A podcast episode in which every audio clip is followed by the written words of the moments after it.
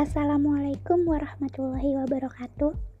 Hai, saya Putri Aulia Salsabila. Saya dari Bimbingan Konseling Islam Unit 1. Nah, di podcast kali ini saya akan membahas tentang perkembangan fisik kognitif sosial emosional masa kanak-kanak, pertengahan dan akhir. Kita akan mulai pembahasan dari perkembangan. Nah, perkembangan itu adalah bertambahnya struktur dan fungsi tubuh yang lebih kompleks dalam kemampuan gerak kasar, gerak halus, bicara, dan bahasa serta sosialisasi dan kemandirian. Perkembangan merupakan hasil interaksi kematangan susunan saraf pusat dan neuromuskuler, kemampuan bicara, emosi, dan sosialisasi. Kesemua fungsi tersebut berperan penting dalam kehidupan manusia yang utuh. Nah, perkembangan itu bersifat kualitatif yang pengukurannya lebih sulit daripada pengukuran pertumbuhan. Perkembangan adalah bertambahnya kemampuan dalam struktur dan fungsi organ tubuh menjadi lebih kompleks dalam pola yang benar sebagai hasil dari proses pematangan sehingga organ tersebut dapat menjalankan fungsinya.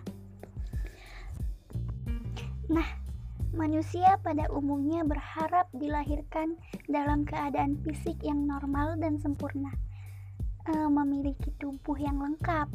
Namun, tidak semua manusia memiliki kondisi tubuh normal seperti yang diinginkan, karena adanya keterbatasan fisik yang tidak dapat dihindari, seperti kecacatan dan kelainan pada fisiknya sehingga membuat mereka kesulitan melakukan berbagai aktivitas yang disukainya. Cacat tubuh yang biasanya terjadi pada manusia terbagi atas berbagai macam, yaitu tunanetra, tunarunggu, tunawicara, dan tunadaksa. Langsung saja kita memasuki penjelasan tentang perubahan fisik dan kesehatan pada anak usia menengah dan akhir. Perkembangan fisik memberikan si kecil kemampuan yang mereka butuhkan untuk eksplorasi dan interaksi dengan lingkungan yang ada di sekitarnya. Perkembangan fisik anak dimulai dari otot tubuh yang bertambah kuat dan diikuti dengan gerakan yang terkoordinasi secara bertahap. Hal ini merupakan proses awalnya tumbuh kembang Seiring dengan pertumbuhan si kecil, jumlah dan jenis aktivitas fisiknya akan banyak berubah. Bayi cenderung menghabiskan waktu dengan tidur dan makan, namun pada saat anak beranjak balita, mereka belajar mulai cari merangkak, kemudian berjalan, hingga dapat mengeksplorasi secara mandiri. Dari pola asuh dan cara mendidik, jenis mainan, dan lingkungan sekitar akan memberikan banyak pengaruh terhadap perkembangan juga keterampilan fisik mereka. Pertumbuhan tubuh pada masa kanak-kanak menengah dan akhir melibatkan pertumbuhan yang lambat dan konsisten. Selama periode ini, anak-anak tumbuh rata-rata 2 sampai 3 inci setahun. Eh, lumayan lama ya, Nah, pada masa dan kekuatan otot meningkat secara bertahap. Perubahan yang paling menonjol dalam pertumbuhan dan proporsi tubuh adalah penurunan lingkar kepala dan lingkar pinggang dalam kaitannya dengan tinggi badan. Kemudian ada otak. Di dalam otak volume tetapi perubahan signifikan dalam berbagai struktur dan wilayah otak terus terjadi. Secara khusus, jalur dan sirkuit otak yang melibatkan kontraks prefrontal, tingkat tertinggi otak, terus meningkat pada masa pertengahan dan akhir masa kanak-kanak.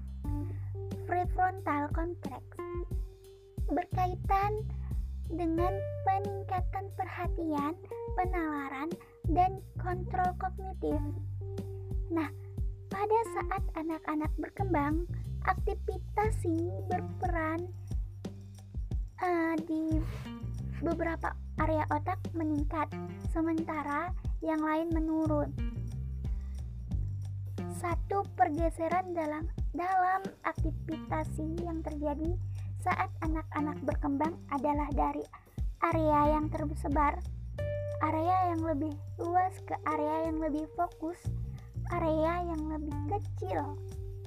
Pergeseran ini ditandai dengan pemangkasan sinaptik, di mana area otak yang tidak digunakan kehilangan koneksi sinaptik dan area yang sedang digunakan menunjukkan peningkatan koneksi.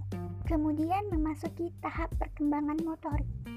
Dalam perkembangan motorik menjadi lebih baik dan lebih terkoordinasi, kontrol yang lebih besar atas tumbuh mereka dan dapat diduduk dan fokus untuk waktu yang lama.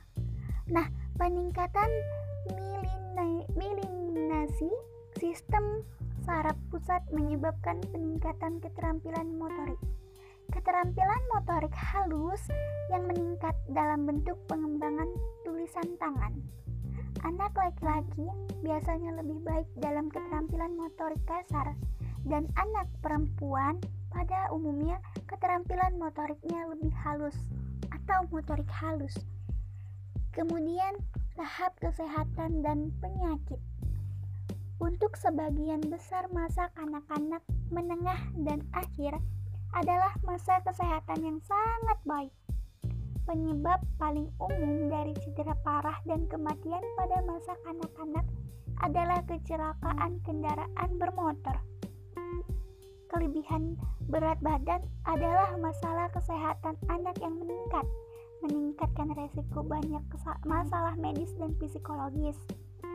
Dalam obesitas pada anak-anak menimbulkan resiko kesehatan yang serius. Penyakit ini kardiovaskular jarang terjadi pada anak-anak.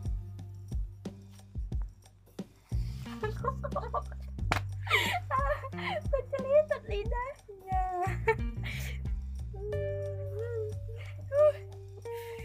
pada anak-anak tetapi awal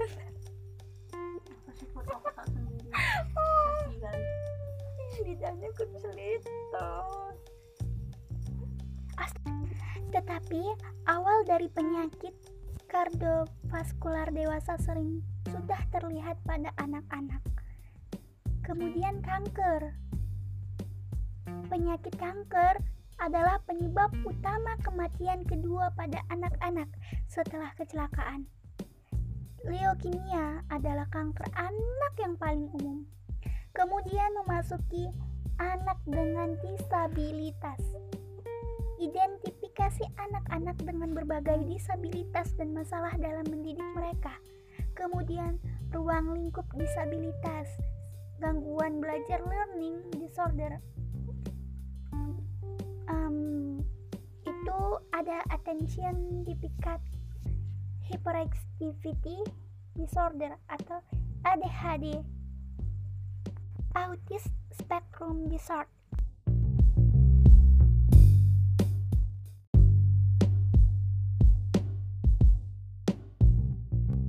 Selanjutnya, isu pendidikan. Individual with Disabilities Education Act atau IDEA Terus ada evaluasi dan penentuan kelayakan. Adanya pendidikan yang sesuai rencana pendidikan individual. Kemudian ada pendidikan dalam lingkungan yang paling tidak membatasi atau the less restrictive environment. Nah, tadi itu ada hmm, perubahan atau pertumbuhan tumbuh tubuh. Kemudian kemudian ini ada perubahan kognitif di mana perubahan kognitif ini terjadi pada kanak-kanak uh, pada tahap pemikiran operasional kongres 7 sampai 11 tahun. Operasi adalah tindakan mental yang dapat dibolak-balik dan operasi kongres adalah operasi yang diterapkan pada objek nyata dan konkret. Selama tahap ini, anak-anak mampu melakukan operasi kongres, konservasi, klasifikasi, seriasi, dan transitivitas. Seriasi adalah operasi kongres yang melibatkan pengerutan stimulus menggunakan dimensi kuantitatif seperti panjang. Sedangkan transitivitas yaitu kemampuan untuk menggabungkan sebuah hubungan secara logis untuk memahami atau mencapai kesimpulan tertentu. Adanya operasi konkret memungkinkan anak untuk mempertimbangkan beberapa karakteristik daripada fokus pada satu properti dari satu objek. Nah, karakter anak-anak yang sudah mencapai tahap operasional kongres adalah kemampuan untuk mengklasifikasikan atau membagi hal-hal menjadi set atau himpunan bagian yang berbeda dan mempertimbangkan keterkaitan mereka. Kemudian ada konservasi. Ada tipe-tipe conservation. Ada volume, kemudian ada uh, nomor volume itu kemudian ada matter kemudian ada like. Nah dari teori pemrosesan informasi memiliki memori jangka panjang meningkat di masa kanak-kanak tengah dan akhir. Pengetahuan dan keahlian memengaruhi memori Strategi dapat digunakan oleh anak-anak untuk meningkatkan daya ingat mereka. Penting bagi orang dewasa yang menginstruksikan anak-anak untuk mendorong penggunaan strategi anak-anak. Kemudian ada thinking. Tiga aspek penting dalam berpikir adalah mampu berpikir kritis, kreatif, dan ilmiah. Terus ada critical thinking, melibatkan berpikir secara reflektif dan produktif, dan mengevaluasi bukti. Ada mindfulness, waspada, hadir secara mental, dan fleksibel secara kognitif saat menjalani aktivitas dan tugas sehari-hari. Ada creative thinking, kemampuan untuk berpikir dengan cara yang baru dan tidak bisa untuk biasa dan untuk menghasilkan solusi naik yang unik untuk masalah. Ada juga scientific thinking. Scientific thinking. Kemudian ada metacognition Metakognisi adalah kognisi tentang kognisi atau mengetahui tentang mengetahui. Kemudian ada intelligence, di mana seorang anak memiliki kecerdasan atau kemampuan untuk memecahkan masalah dalam beradaptasi serta belajar dari pengalaman. Nah, individual difference atau perbedaan individu, sesuatu yang stabil dan konsisten, di mana orang berbeda satu sama lain. Perbedaan individu dalam berdasarkan kepribadian atau domin, dominan lainnya.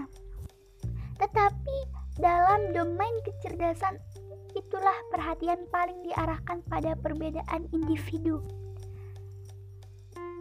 Alfred Bennett mengembangkan konsep usia mental, tingkat perkembangan mental individu relatif terhadap orang lain.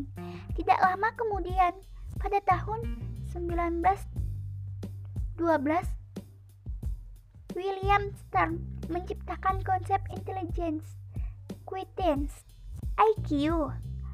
Usia mental seseorang dibagi usia kronologis yakni dikalikan dengan 100 yaitu IQ atau konsep kronologis Jika mental usia sama dengan usia kronologis, maka IQ seseorang adalah 100. Jika usia mental di atas usia kronologis, maka IQ lebih dari 100. Jika usia mental di bawah usia kronologis, maka IQ kurang dari 100. Dan Stanford Binetis menganalisis tanggapan bahwa individu dalam lima bidang penalaran yang mengalir, pengetahuan, penalaran kuantitatif, penalaran visual spasial, dan memori kerja. Di mana tipe of intelligence? Uh, ilmuwan Robert Sternberg Strategic Theory menggunakan intelligence coming in the three form yaitu analytical intelligence, creative intelligence, dan vertical intelligence. Adanya menafsirkan perbedaan skor IQ, the influence of genetics, environmental influences, group difference. Ah, nah kemudian lanjut ke extremes of intelligence, di mana mental retardance anak atau keterbelakangan mental adalah kondisi kemampuan mental yang terbatas di mana seseorang memiliki IQ rendah. Nah, biasanya di bawah 70 pada tes kecerdasan tradisional dan mengalami kesulitan beradaptasi dengan kehidupan sehari-hari. Sekitar 5 juta orang Amerika sesuai dengan definisi retardasi mental ini. Kemudian ada giftness. Anak berbakat dengan kecerdasan di atas rata-rata IQ 130 atau lebih tinggi dan atau bahkan bakat unggul untuk sesuatu. Kemudian memasuki tahap perkembangan bahasa anak memiliki kosakata, tata bahasa, dan kecerdasan metalinguistik. Anak-anak menjadi lebih analitis dan logis dalam pendekatan mereka terhadap kata-kata dan kata bahasa. Mampu memahami perbandingan dan subjek. Mampu menggunakan tata bahasa yang kompleks dan menghasilkan narasi yang masuk akal. Peningkatan dalam kesadaran metalinguistik, pengetahuan tentang bahasa, terbukti selama tahun-tahun sekolah dasar ketika anak-anak semakin mendefinisikan kata-kata dari meningkatkan pengetahuan mereka tentang sintaksis dan memahami lebih baik bagaimana menggunakan bahasa dengan cara yang sesuai dengan budaya. Kemajuan dalam perkembangan bahasa dan kognitif, anak-anak memberikan dasar untuk menulis yang lebih baik. Kemudian kita memasuki tahap perkembangan sesi emosional.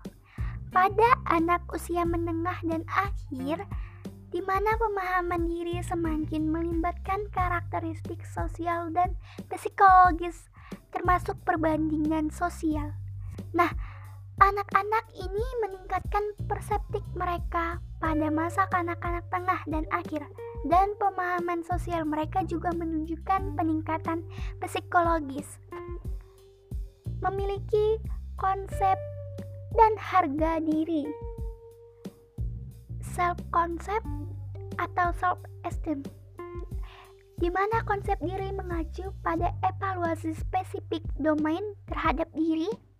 Harga diri mengacu pada evaluasi global terhadap diri dan juga disebut sebagai harga diri atau citra diri.